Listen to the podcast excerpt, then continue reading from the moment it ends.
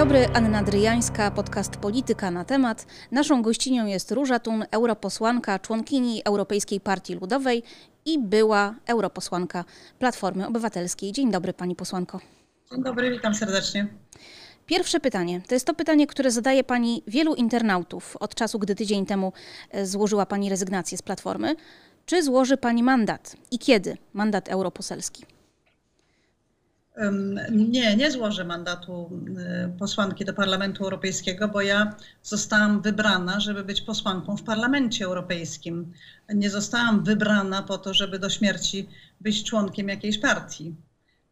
To już jest mój wybór, prawda? Ale y, moi wyborcy mnie wybierali po to, żebym y, dobrze spełniała moje zadania w dziedzinie, czy dobrze pracowała w Parlamencie Europejskim całkiem po prostu i rozwiązywała ich problemy na poziomie Unii Europejskiej. No ale w tych komentarzach się przewija, że jednak została pani wybrana jako polityczka Platformy Obywatelskiej i że to była ta ważna część tożsamości, no przynajmniej dla części pani wyborców. Ja kandydowałam z list Koalicji Europejskiej i pozostaję nadal, na razie przynajmniej, jestem nadal w Europejskiej Partii Ludowej, w której część tej koalicji jest. Więc tutaj się po prostu nic nie zmienia. Powiedziała Pani w jednym z ostatnich wywiadów, że celem opozycji powinno być wspólne działanie na rzecz tego, żeby obalić PiS. Czy Pani wyjście z Platformy przybliżyło nas do tego celu? Nie, absolutnie nie. Ja w dalszym ciągu pracuję z e, całą opozycją w Polsce, całą opozycją demokratyczną w Polsce, po to, żebyśmy byli krajem demokratycznym, żebyśmy odzyskali demokrację, którą nam niszczy PiS, żebyśmy byli mocnym członkiem w Unii Europejskiej. I współpracuję z moimi kolegami i koleżankami z różnych partii, nie tylko z Platformy Obywatelskiej, ale z różnych partii. Zresztą zawsze tak było. Ja mam nadzieję nawet, że pozytywne skutki mojego odejścia z Platformy Obywatelskiej, chciałabym, żeby takie były przynajmniej, będą takie, że zapali się czerwona lampka, że może zadzwoni jakiś dzwonek alarmowy, że trochę no, kilku polityków i polityczek zastanowi się nad tym, co robić, żeby było lepiej, żeby nie odchodzili nasi członkowie, żebyśmy nie zajmowali się tak dużo sobą, e, żebyśmy głosowania, które są europejskie, rozważali rzeczywiście w kontekście po pierwsze y, y, długiej perspektywy, po drugie konsekwentnie, a po trzecie biorąc pod uwagę to, że jesteśmy piątym co do wielkości krajem w Unii Europejskiej i to my w bardzo znacznym stopniu decydujemy o całej Unii. Jesteśmy za nią odpowiedzialni. Bardzo bym chciała, żeby to przebudziło może parę osób w Platformie, że trzeba z członkami Platformy z wyborcami, z obywatelami prowadzić rzetelną debatę, poruszać tematy trudne i trzymać się tych trudnych tematów. Że mniejsze partie, które są w koalicji obywatelskiej czy w koalicji europejskiej, trzeba traktować bardziej podmiotowo, bardziej wykorzystywać ich potencjał. Jest bardzo dużo do zrobienia. I mam nadzieję, że to moje odejście, a mimo to dalsza wola współpracy z różnymi partiami, w opozycji, trochę może doprowadzi do jakiegoś przesilenia, może doprowadzi do poważnej rozmowy. Bardzo bym tego życzyła i Platformie, i, i jej wyborcom. Minął tydzień od Pani odejścia z Platformy. Czy docierają do Pani sygnały, że taka refleksja zaczyna się w Platformie pojawiać? Czy, czy ma Pani takie przesłuchy, czy, czy już zero kontaktu, zero e, informacji o tym, co się dzieje wewnątrz? Jak mam być całkiem szczera, to ja um, um, bardzo mało wiem w ogóle o tym, co się dzieje w platformie wewnątrz. Um, również jak byłam członkiem platformy, to jest jeden z moich powodów odejścia. Ponieważ no właśnie takiej debaty wewnętrznej szalenie brakuje. Więc teraz oczywiście też nie wiem więcej niż wiedziałam przedtem, ale wiem, że już jedno zebranie się odbyło. Wczoraj ktoś mi mówił, że zbliża się najbliższe znowu zebranie i nie wiem, może z sygnatariuszami tego listu, ale już nie bardzo jestem w stanie tego śledzić, bo no, z jednej strony ktoś pisze listy, potem ktoś inny odpisuje, gdzieś zbierają podpisy, kogoś wyrzucają z partii. No, trochę dużo jest tych wewnętrznych rozgrywek do których ja się nie nadaję. Ja koncentruję się na tym, żeby dobrze pracować, dobrze wypełniać powierzone mi zadanie przez moich wyborców i robię to bardzo solidnie i będę to robić nadal. A do tej pracy potrzebne jest bardzo szerokie otwarcie na wszystkich demokratów. Ja używam często takiego hasła: demokraci wszelkich maści, łączcie się. I chciałabym, żeby tak było. Tylko, że dobiegają takie głosy z platformy, bo jakby tą ostatnią kroplą, która przelała czarę goryczy, tak jak pani mówi w wywiadach, był chaos w platformie wokół głosowania nad funduszem odbudowy. To znaczy, pani zdaniem, ten fundusz powinien być poparty, powinna być jasna komunikacja w tej sprawie, no a tego nie było. No ale na przykład Cezary Tomczyk mówi: Nie słyszałem głosu Róży Tun w dyskusji o funduszu odbudowy. To może wina leży też trochę po pani e, stronie, że, że może trzeba było głośniej mówić pewne rzeczy jeszcze, jak była pani członkinią Platformy. No, ja chyba zadzwonię w końcu do Cezarego Tomczyka i się go zapytam, gdzie ten głos y, mój mógłby usłyszeć, y, ponieważ y, nie ma takiej płaszczyzny, w ogóle nie ma takiej rozmowy. Ja słyszałam poprzez media, że podobno były jakieś trzy debaty na ten temat, więc zadałam sobie trud i nawet sprawdziłam wszystkie moje skrzynki mailowe, SMS-y, WhatsApp i tak dalej. I nawet SMS ode mnie przyszedł na ten temat, że taka rozmowa się odbywa. Więc trochę trudno jest zabierać głos w debatach, o których człowiek nawet nie jest powiadomiony. A poza tym proszę pamiętać, że ja nie spędzam mojego czasu w Sejmie, bo to nie jest moje miejsce pracy. Moim miejscem pracy jest Parlament Europejski.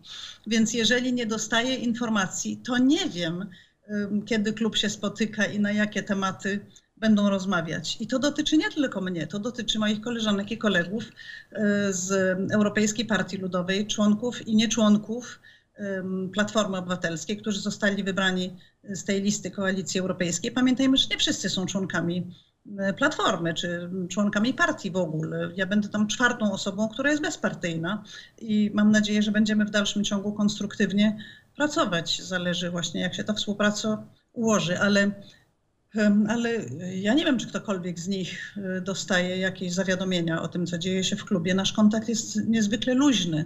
Właściwie jesteśmy tacy, takim wolnym elektronem platformy, co jest bardzo szkoda, dlatego że wykonujemy w Parlamencie Europejskim wielką, wielką rzeczywiście i bardzo solidną pracę.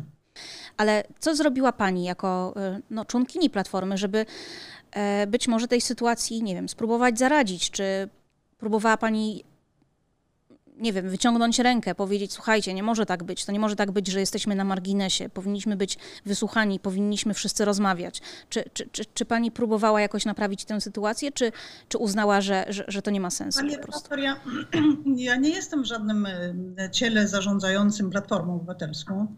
Ja jestem e, posłanką szeregową w Parlamencie Europejskim i wykonuję moje zadanie. Jeżeli jestem proszona o informacje, to oczywiście ich udzielam.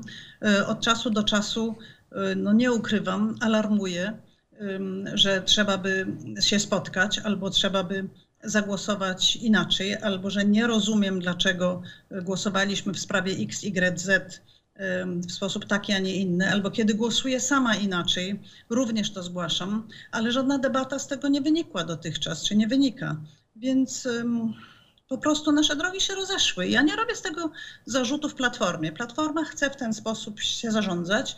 Ja potrzebuję innej perspektywy, dłuższej perspektywy, większej konsekwencji, większego otwarcia na, na różne środowiska, na inne środowiska, większego skupienia się na tematach, które dzisiaj są absolutnie zasadnicze, to znaczy na przykład na Zielonym Ładzie um, oraz większej bezkompromisowości, jeśli chodzi o, o demokrację chociaż ona, mam wrażenie, w tej chwili jest bezkompromisowość, jeśli chodzi o walkę o demokrację. I chciałabym jeszcze może przypomnieć, że bycie poza partią nie jest niczym nadzwyczajnym albo zmienianie partii. Przecież proszę pamiętać, że ja zostałam wybrana do Parlamentu Europejskiego na prośbę Platformy czy na prośbę przewodniczącego Platformy Obywatelskiej kandydowałam w ogóle i nie byłam wtedy członkiem Platformy.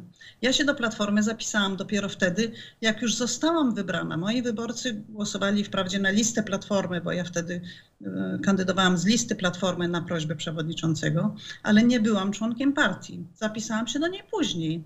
A teraz w dalszym ciągu jestem w, w Europejskiej Partii Ludowej, w której są członkowie Platformy i nie członkowie Platformy wybrani z tej listy i znowu jestem e, bezpartyjna. Więc tu zasadniczo nic się nie zmienia. E, Platformie służę pomocą, e, kiedy tylko potrzebuję i życzę jej wszystkiego dobrego. Donald Tusk odezwał się do pani po tym, jak ogłosiła pani swoją decyzję? Nie. Gdy była Pani e, w studio z Jackiem Płasińskim na temat, opisywała Pani swoje początki w Platformie. Rok 2007 to był rok zmiany władzy, mm, upadł rząd PiS, wybrany, wybrana została Platforma e, i wtedy opisywała Pani, że była to taka atmosfera e, zmiany klimatu, nowej jakości, że wtedy Pani uznała, że te zmiany, to wszystko, co się dzieje, trzeba wesprzeć.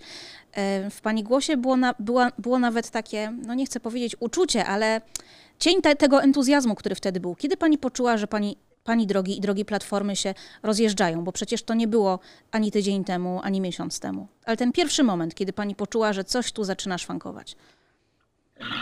Nie ma takiego pierwszego momentu, że nagle cyk, o, nasze drogi się rozjeżdżają. To nie wyobrażajmy sobie, że to tak funkcjonuje życie y, czy funkcjonowanie wewnątrz partii stopniowo zaczynają się rozchodzić. I to, to, też nie mogę powiedzieć, że one się rozeszły kompletnie, bo przecież w całej opozycji, wszyscy, którzy walczą o demokrację, my mamy bardzo duży wspólny mianownik i należy go dalej budować. To nie jest tak, że chodzi nam o coś kompletnie innego. Ja tylko ze struktur partyjnych się wypisałam, ale przecież w sumie organizacyjnie y, krytykuję, czy ten brak, de, brak debaty, y, dobrego kontaktu, y, to jest tematem albo powodem też mojego odejścia z Platformy. Ale, ale przecież nam wszystkim, y, którzy walczymy o demokrację w Polsce, a dzisiaj sytuacja naprawdę jest niezwykle niebezpieczna i niedobra, wszystkim nam chodzi przecież o to, żeby mieć rząd, który będzie przestrzegał konstytucji, y, trójpodziału władzy, dbał o środowisko i tak dalej. Więc rzeczywiście jest o wiele więcej tego, co nas łączy, niż tego, co nas dzieli, co nie znaczy, że człowiek koniecznie musi uczestniczyć w strukturach partyjnych, w partii, której dawał z siebie bardzo dużo przez 10 lat i kiedyś e, sobie mówi, no już na tyle się różnimy, czy tak inaczej funkcjonuje ta partia, niż e, bym sobie wyobrażała. I też mam wrażenie, że, że no nie mam wrażenia, żeby tak żebym tam była bardzo potrzebna w strukturach partyjnych, więc od tych struktur partyjnych się oddalam, co nie znaczy, że nie jestem w dalszej, bardzo bliskiej współpracy i z Platformą, i właściwie z wszystkimi partiami, które w Polsce są zaangażowane o to, żeby przywrócić, żeby przywrócić demokrację, wolność prasy, trójpodział władzy, szacunek do niezależnego sądownictwa, może przede wszystkim, oraz skupić się bardziej na tym, co czeka następne pokolenie, to znaczy mm, ochronie środowiska czy zahamowania zmian klimatycznych. Przez ten tydzień mnóstwo się o pani mówiło. Krytyka spływa pa na panią ze wszystkich stron. E, PiS krytykuje panią za poparcie dla decyzji TSUE o zabezpieczającym ko zamknięciu kopalni w Turowie. Z kolei patrioci Platformy mówią o zdradzie, jaką jest opuszczenie partii. E, czego się pani dowiedziała przez ten e, tydzień o polskiej polityce, o swoich przyjaciołach, współpracownikach, o sobie? Um od moich przyjaciół, współpracowników uzyskuję bardzo miłe słowa. Y, I myślę, że i oni to wiedzą, i ja to wiem, że niezwykle ważne jest to, żeby być w zgodzie z własnym sumieniem i żeby być konsekwentnym w swoim poglądzie, zaangażowaniu, y, w swojej pracy, w perspektywie na to, jak powinna wyglądać Polska, jak powinna wyglądać Unia Europejska jak powinna wyglądać współpraca z różnymi środowiskami, więc uzyskuje tutaj ogromne wsparcie. E, jeżeli mm, e, jakieś środowiska, które e, mają w planie niszczenie Polski i niszczenie klimatu, krytykują mnie za to, że chwalę, właściwie decyzji sądu nie ma co chwalić ani karcić, tylko można wyrażać. Pani napisała radość brawo. Pani napisała brawo. E, Tak, więc e, ja po prostu wyrażam radość z tego powodu, że Trybunał podjął taką decyzję, a nie inną. To znaczy podjął decyzję, że trzeba e, zatrzymać wydobycie węgla brunatnego w Turowie. I tu mnie krytykują prawdopodobnie jakieś środowiska zaangażowane albo ekonomicznie w te kopalnie i elektrownie Turów, ale mnóstwo ekologów się oczywiście z tym zgadza i społeczeństwo w ogromnym stopniu się z tym zgadza i wszyscy wiedzą, że znaczy to właściwie to inaczej może powiem. Ja uważam, że to jest bardzo smutne, że nas um, Trybunał Sprawiedliwości Unii Europejskiej musi bronić przed zniszczeniami, y, przed niszczeniem Polski, polskiej natury, powietrza, które jest nie tylko nad Polską, tylko nad całą, nad całą Europą i nad całą Ziemią, że przed zniszczeniami, które sami robimy, musi nas bronić e, Trybunał Sprawiedliwości Unii Europejskiej. Dlaczego nie możemy tego zrobić sami? Już nie mówiąc o tym, że przecież ten Zielony Ład obowiązuje nas wszystkich do tego, i Polska to podpisała, nas wszystkich do tego, żebyśmy mieli neutralność klimatyczną do roku 2050, a tymczasem do roku 2044 została przedłużona koncesja na Turów, który sieje zniszczenie, obniża poziom wody. No już tutaj się nie chce rozwodzić, bo wszyscy wiemy o co chodzi. Więc y, no, po prostu Trybunał Sprawiedliwości nie mógł wydać innego wyroku y, niż to zrobił. I ten wyrok tylko pokazuje jego solidne przygotowanie i jego mądrość. I to, że chodzi mu o życie i zdrowie mieszkańców nie tylko tego regionu, ale szerzej. A mieszkańcy tego regionu to są i Polacy, i Czesi, i Niemcy, wszyscy, prawda, którzy, którzy tam żyją. Więc y, bądźmy ludźmi odpowiedzialnymi i zdawajmy sobie z tego sprawę, że my musimy wprowadzać w Polsce zmiany po to po prostu, żeby następne pokolenie przeżyło. W Polsce musimy wprowadzać zmiany i wszędzie w Unii Europejskiej. Ale nie ma takich wypadków w Unii Europejskiej, żeby Trybunał Sprawiedliwości Unii Europejskiej wydawał decyzję albo wyrok i żeby rząd mówił, a my tego nie będziemy wykonywać. Y, To są właściwie bardzo wyraźne sygnały, że chcemy wychodzić z Unii Europejskiej. A poza tym jeszcze jedną rzecz chciałam powiedzieć. Pamiętajmy, że w tym funduszu odbudowy y, jest y, miliard na to przeznaczony, na tą sprawiedliwą transformację akurat tamtego regionu. Więc skupmy się może raczej na tym, jak zabezpieczyć miejsca pracy dla ludzi, którzy pracują dzisiaj w Turowie, a powinni się przekształcić, przeszkolić, y, zdobyć następny inny zawód i na to jest przeznaczone mnóstwo pieniędzy. Dlaczego nie skupić się na tym, jak te pieniądze dobrze, uczciwie, rzetelnie wykorzystać i dać tym ludziom, którzy tam pracują, którzy korzystają z Turowa inne możliwości, a w dodatku rozwijać inne źródła energii. Przecież po to uczestniczymy w tym wielkim projekcie Unii Europejskiej, który się nazywa, którym są zasoby własne Unii, kompletnie nowy mechanizm, a w Polsce nazywany jest Funduszem Odbudowy. 770 miliardów e, złotych popłynie do Polski z Unii Europejskiej. Pojawiły się już e, billboardy rządowe, e, które ogłaszają to. Natomiast ogłaszają to w taki sposób, że tych gwiazdek unijnych trzeba szukać z lupą. Są bardzo ledwo dostrzegalne. Czy Unia Europejska ma jakiś sposób, by rozwiązać niby trywialną, ale jednak bardzo ważną kwestię po prostu zakomunikowania tego, skąd te pieniądze się w Polsce wezmą? Czy, czy Unia może coś na to poradzić? Na billboardach, które wyprodukował rząd, a wiem, że się skarżą y, media, że nie mogą dostać y, informacji od rządu, ile to cała kampania billboardowa kosztowała. Tak, to już kolejna kwestia. To jest kolejna kwestia, że po prostu za dużo jest tych tajnych pieniędzy, wydawanych nie wiadomo jak i nie wiadomo skąd. I, i bardzo się cieszę, że się y, y, coraz więcej ludzi dopomina o te dane. My, to, to są nasze pieniądze, z naszych podatków, z naszych wydatków, prawda? I, i, i, i musimy wiedzieć, co się z nimi dzieje. Więc dopominajmy się o te informacje dalej. Pani mówi, że ledwo widać te gwiazdki. Ich w ogóle nie widać, bo ich tam nie ma. To nie, jest, to nie jest logo Unii Europejskiej, takie kil- kilka gwiazdeczek, które tam są namalowane. A obowiązek jest taki, żeby na, na projektach unijnych, żeby na, na, na tym, co jest, y, żeby na informacji o projektach unijnych i żeby przede wszystkim na, tych, na, na tym, co jest realizowane z pieniędzy, z funduszy wspólnotowych, y, żeby było logo Unii, a nie jakieś gwiazdeczki w No jakimś a rogu. go nie ma. nie I co teraz? dostrzec. Więc tam nie ma logo Unii. No dobrze, nie ma go. I co teraz? Złotych y, 12 gwiazd na szafirowym tle, prawda? A tam jakieś białe gwiazdeczki, kawałeczek. Ma pani ma rację. To jest tylko sugestia, y, sugestia bardzo delikatna. To nie jest nawet logo Unii. Ale co w takim razie? Nie mamy pańskiego płaszcza i co nam pan zrobi? Jeżeli, no tutaj przy tych plakatach to trochę jest taka rozmowa, skąd są te pieniądze, prawda? Jeżeli te plakaty, jeżeli te billboardy nie są robione z pieniędzy unijnych, to trzeba się wtedy zastanowić, tylko to jest informacja o funduszach unijnych. To po prostu jest wtedy kłamstwo i koniec. Ale jeżeli na, na tym, co jest realizowane z funduszy unijnych, nie ma informacji o Unii Europejskiej, to ja rozumiem, że komisja może wstrzymać wypłaty, bo to jest jeden z warunków, żeby wszystkie projekty, wszystkie realizacje projektów były wyraźnie oznaczone. I one muszą być oznaczone i tego trzeba bardzo pilnować. A przy tych billboardach to komisja już o nich na pewno wie, dlatego że bardzo dużo jest tych zdjęć wszędzie w internecie i tak dalej. I zobaczymy, co zrobi.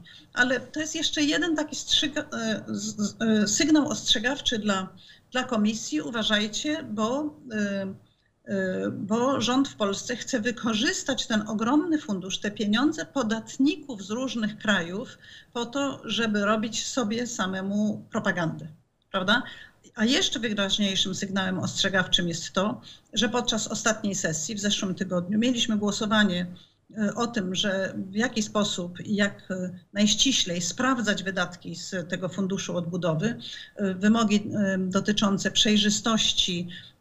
My mamy taki komitet monitorujący powołany w Parlamencie Europejskim, ale to dotyczy też kontroli Komisji Europejskiej. Głosowaliśmy za tym, za takim rozwiązaniem, które bardzo ściśle będzie obserwowało wydawane pieniądze i y, PiS głosował przeciwko jako jedyna delegacja kraju członkowskiego w Parlamencie Europejskim. Jako jedyna cała delegacja oni głosowali przeciwko przejrzystości wydawania tych funduszy. Oczywiście przegrali, ogromną większością to głosowanie przeszło, ale sygnał ostrzegawczy jest wysłany, więc może nawet dobrze, że tak głosowali, bo dali jeszcze raz do zrozumienia, że nie podoba im się to, żeby te pieniądze były bardzo przejrzyście zagospodarowywane i żeby kontrola była ścisła. Pamiętajmy, że komisja dysponuje takim instrumentem, który się nazywa pieniądze za praworządność, czyli tam, gdzie są szachrajstwa, tam pieniądze po prostu nie popłyną. I dlatego myślę, że, że, że światło ostrzegawcze w komisji pali się bardzo mocno, w parlamencie tak samo, bo oburzenie jest ogólne na to, że ci, którzy są w tej samej partii co polski rząd, głosowali przeciwko przejrzystości i możliwości kontroli pieniędzy wspólnych, pieniędzy, za które płaci podatnik europejski na pomoc wszystkim sobie, prawda, w Unii Europejskiej, ale które płyną do Polski szerokim strumieniem albo mają popłynąć, jeszcze nie płyną. Więc tutaj oburzenie jest dosyć e, wyraźne, a właśnie lampa ostrzegawcza się pali. Czy pani rozmawiała z europosłami PiS po tym głosowaniu? Czy macie jakieś e, takie chociażby zakulisowe rozmowy? Pytała pani, co wy wyprawiacie? Dlaczego jesteście przeciwko kontroli? Co wy planujecie z tymi pieniędzmi zrobić, skoro głosujecie w ten sposób? Były takie Ja rozmowy? rozmowy, rozmowy z pisem pozostawiam pani redaktor. Okej, to na zakończenie. Demokratyczna, zielona, przestrzegająca prawa. To, jest, to są pani słowa, przymiotniki, których pani użyła. E, Czy przypomina sobie pani, co opisywała? Demokratyczna, zielona i przestrzegająca prawa. Tak. No, marzyłabym o takiej Polsce, żeby była demokratyczna, zielona i przestrzegająca prawa. I mam nadzieję, że uda mi się przyczynić do tego, żebyśmy wszyscy razem do tego doprowadzili. Pytam dlatego, No. że określała tak pani dwie rzeczy. Tutaj trochę panią zwiodłam. Określała tak pani Polskę i partię Szymona Hołowni, czyli Polskę 2050. Stąd moje pytanie: kiedy pani przejdzie i kiedy pani wreszcie przyzna, że przechodzi do Polski 2050? Ym, Ja się jeszcze nie spotkałam z Szymonem Hołownią, chociaż już słyszę, że podobno od Ale przecież nie trzeba z Hołownią, przecież jest wiele innych osób z jego środowiska, z którymi pani może rozmawiać. Mam wrażenie, że to, wie pani, to ja się, ja się spotykam z politykami z chyba wszystkich partii, które są obecne, no poza właśnie tymi, które niszczą demokrację, z nimi się nie spotykam, to właśnie pozostawiam pani redaktor, ale, ale z wszystkimi partiami, które ym, y, są albo chcą, żeby Polska była demokratyczna, m, bardziej zielona albo zielona i przestrzegająca prawa. Z tymi wszystkimi ludźmi ja się spotykam i chciałabym jak najbliżej współpracować. A usłyszałam w ostatnim tygodniu dużo ciepłych słów od polityków ym, Szymona Hołowni czy Polski 2050, ym, za co zresztą bardzo dziękuję. A w jakim kierunku pójdzie dalej moje zaangażowanie polityczne, to zobaczymy. Spokojnie. Jak ja słyszę, że od roku jestem posłowie z Szymonem Hołownią, to mam ochotę powiedzieć nie od roku, tylko od trzech może, czy ja od dziesięciu. To można wszystko sobie wymyślić, prawda? Więc spokojnie.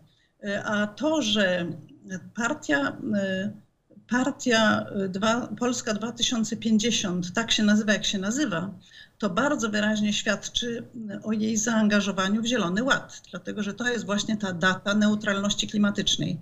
I wydaje mi się niezwykle ważne kładzenie nacisku na to, że musimy dbać o to, aby następne pokolenia po prostu przeżyły, bo to jest kwestia dzisiaj życia i śmierci.